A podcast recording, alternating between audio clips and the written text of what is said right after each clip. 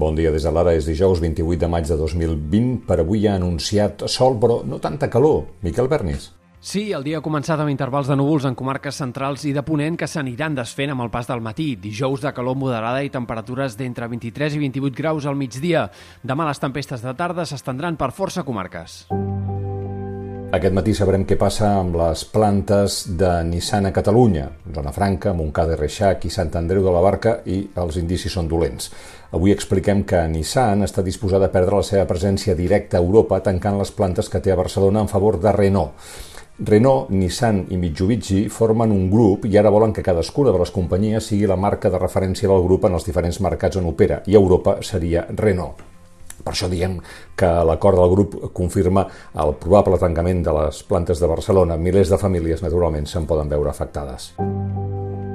Mentrestant, la Unió Europea ha fet un pas important per ajudar els països del sud d'Europa, 750.000 milions d'euros que s'obtindrien a través de l'emissió de deute.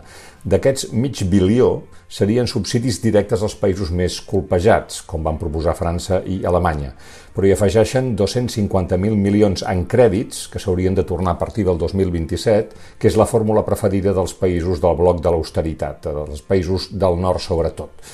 Espanya podria obtenir 140.000 milions entre crèdits i transferències, que equival al 11% del seu PIB aproximadament. La vicepresidenta espanyola d'Economia, Nadia Calviño, fa aquesta valoració. Es una buena base porque propone crear un fondo de recuperación de 750.000 millones de euros, que es una cantidad muy relevante y acorde a la magnitud de los retos que tenemos por delante. Además, por primera vez se plantea que este fondo se financie mediante la emisión de deuda comunitaria y que se haga llegar mayoritariamente a través de transferencias y no solo créditos, con un reparto por países que responde al impacto económico y social del COVID-19. S'aguditza la crisi entre el Ministeri de l'Interior i la cúpula de la Guàrdia Civil. Després de la destitució diumenge del coronel Diego Pérez de los Cobos, el Ministeri de l'Interior va informar ahir de la destitució de Fernando Santafé, que és de facto el número 3 del cos armat. Amb aquest cessament eh, hi ha també eh, la dimissió dimarts del número 2, que no estava d'acord amb la interferència del Ministeri en les actuacions de la Guàrdia Civil com a policia judicial i en l'informe del vuitena. Mentrestant, l'advocacia de l'Estat denuncia, justament per aquests informes sobre les manifestacions del 8M i la possible responsabilitat del delegat al govern espanyol en el que podria ser negligència per no haver frenat a temps eh, la transmissió del virus, dic que l'advocacia de l'Estat denuncia una causa general contra el govern de Sánchez i l'advocada Seoane, que la recordaran del judici del procés, demana anul·lar el procés contra el delegat a Madrid.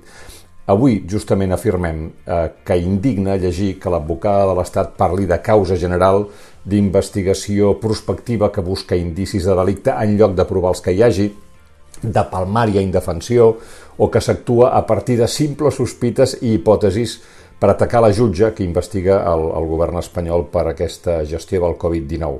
Ho diu Seoane, ella, que va ser part de la causa de l'1 d'octubre i que va acusar en base als informes de la Guàrdia Civil. L'Institut Armat eh, insinua que el 8M es va gestionar diferent d'altres manifestacions, obviant la lletra petita de les recomanacions de l'OMS en aquell moment.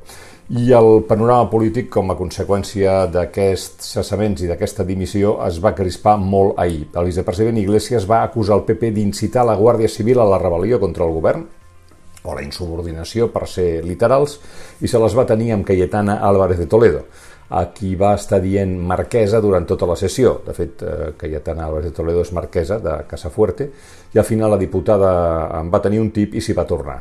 Usted es el hijo de un terrorista.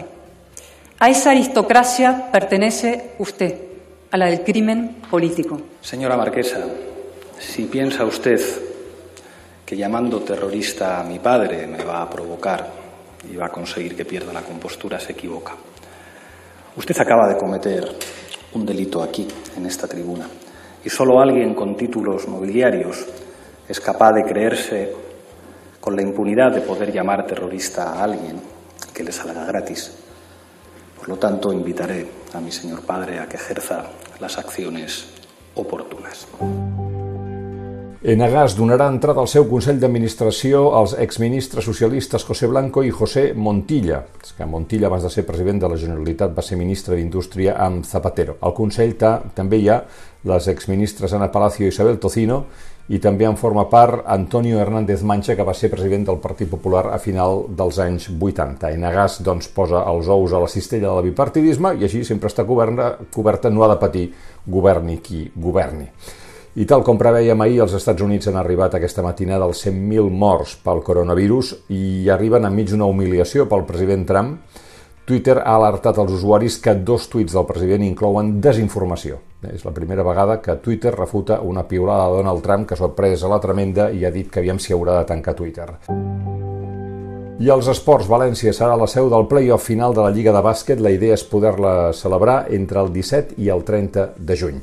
Fins aquí les claus del matí. Tornarem més endavant amb tota l'actualitat ara.cat i naturalment us esperem aquest vespre a les claus que pengem al voltant de les 8. Fins després.